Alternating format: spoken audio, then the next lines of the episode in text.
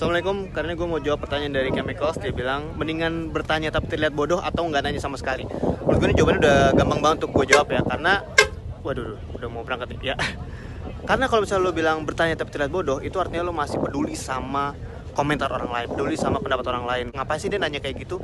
Aneh banget, pertanyaannya nggak make sense banget. Ih, pertanyaannya pertanyaan bodoh banget. Itu lo masih peduli. Jadi menurut gua, kalau lo emang penasaran sama sesuatu, sebodoh-bodohnya pertanyaan itu, seawam-awamnya lo dengan pertanyaan itu, mendingan nanya. Tapi paling nggak ada sedikit tipsnya seperti ini. Kalau gua, kalau misalnya menurut gua pertanyaannya bodoh banget, gua mungkin bisa googling dulu, gue cari tahu sendiri. Kalau misalnya gue cari dan ternyata nggak nemu, baru gue tanya. Meskipun pertanyaan ternyata terlihat sedikit stupid gitu ya atau terlalu awam banget. Kalau seorang mikir apa ya udah biarin aja. Jadi intinya kalau mau nanya sesuatu tanya aja nggak usah terlalu pedulin apa kata orang lain oke? Okay?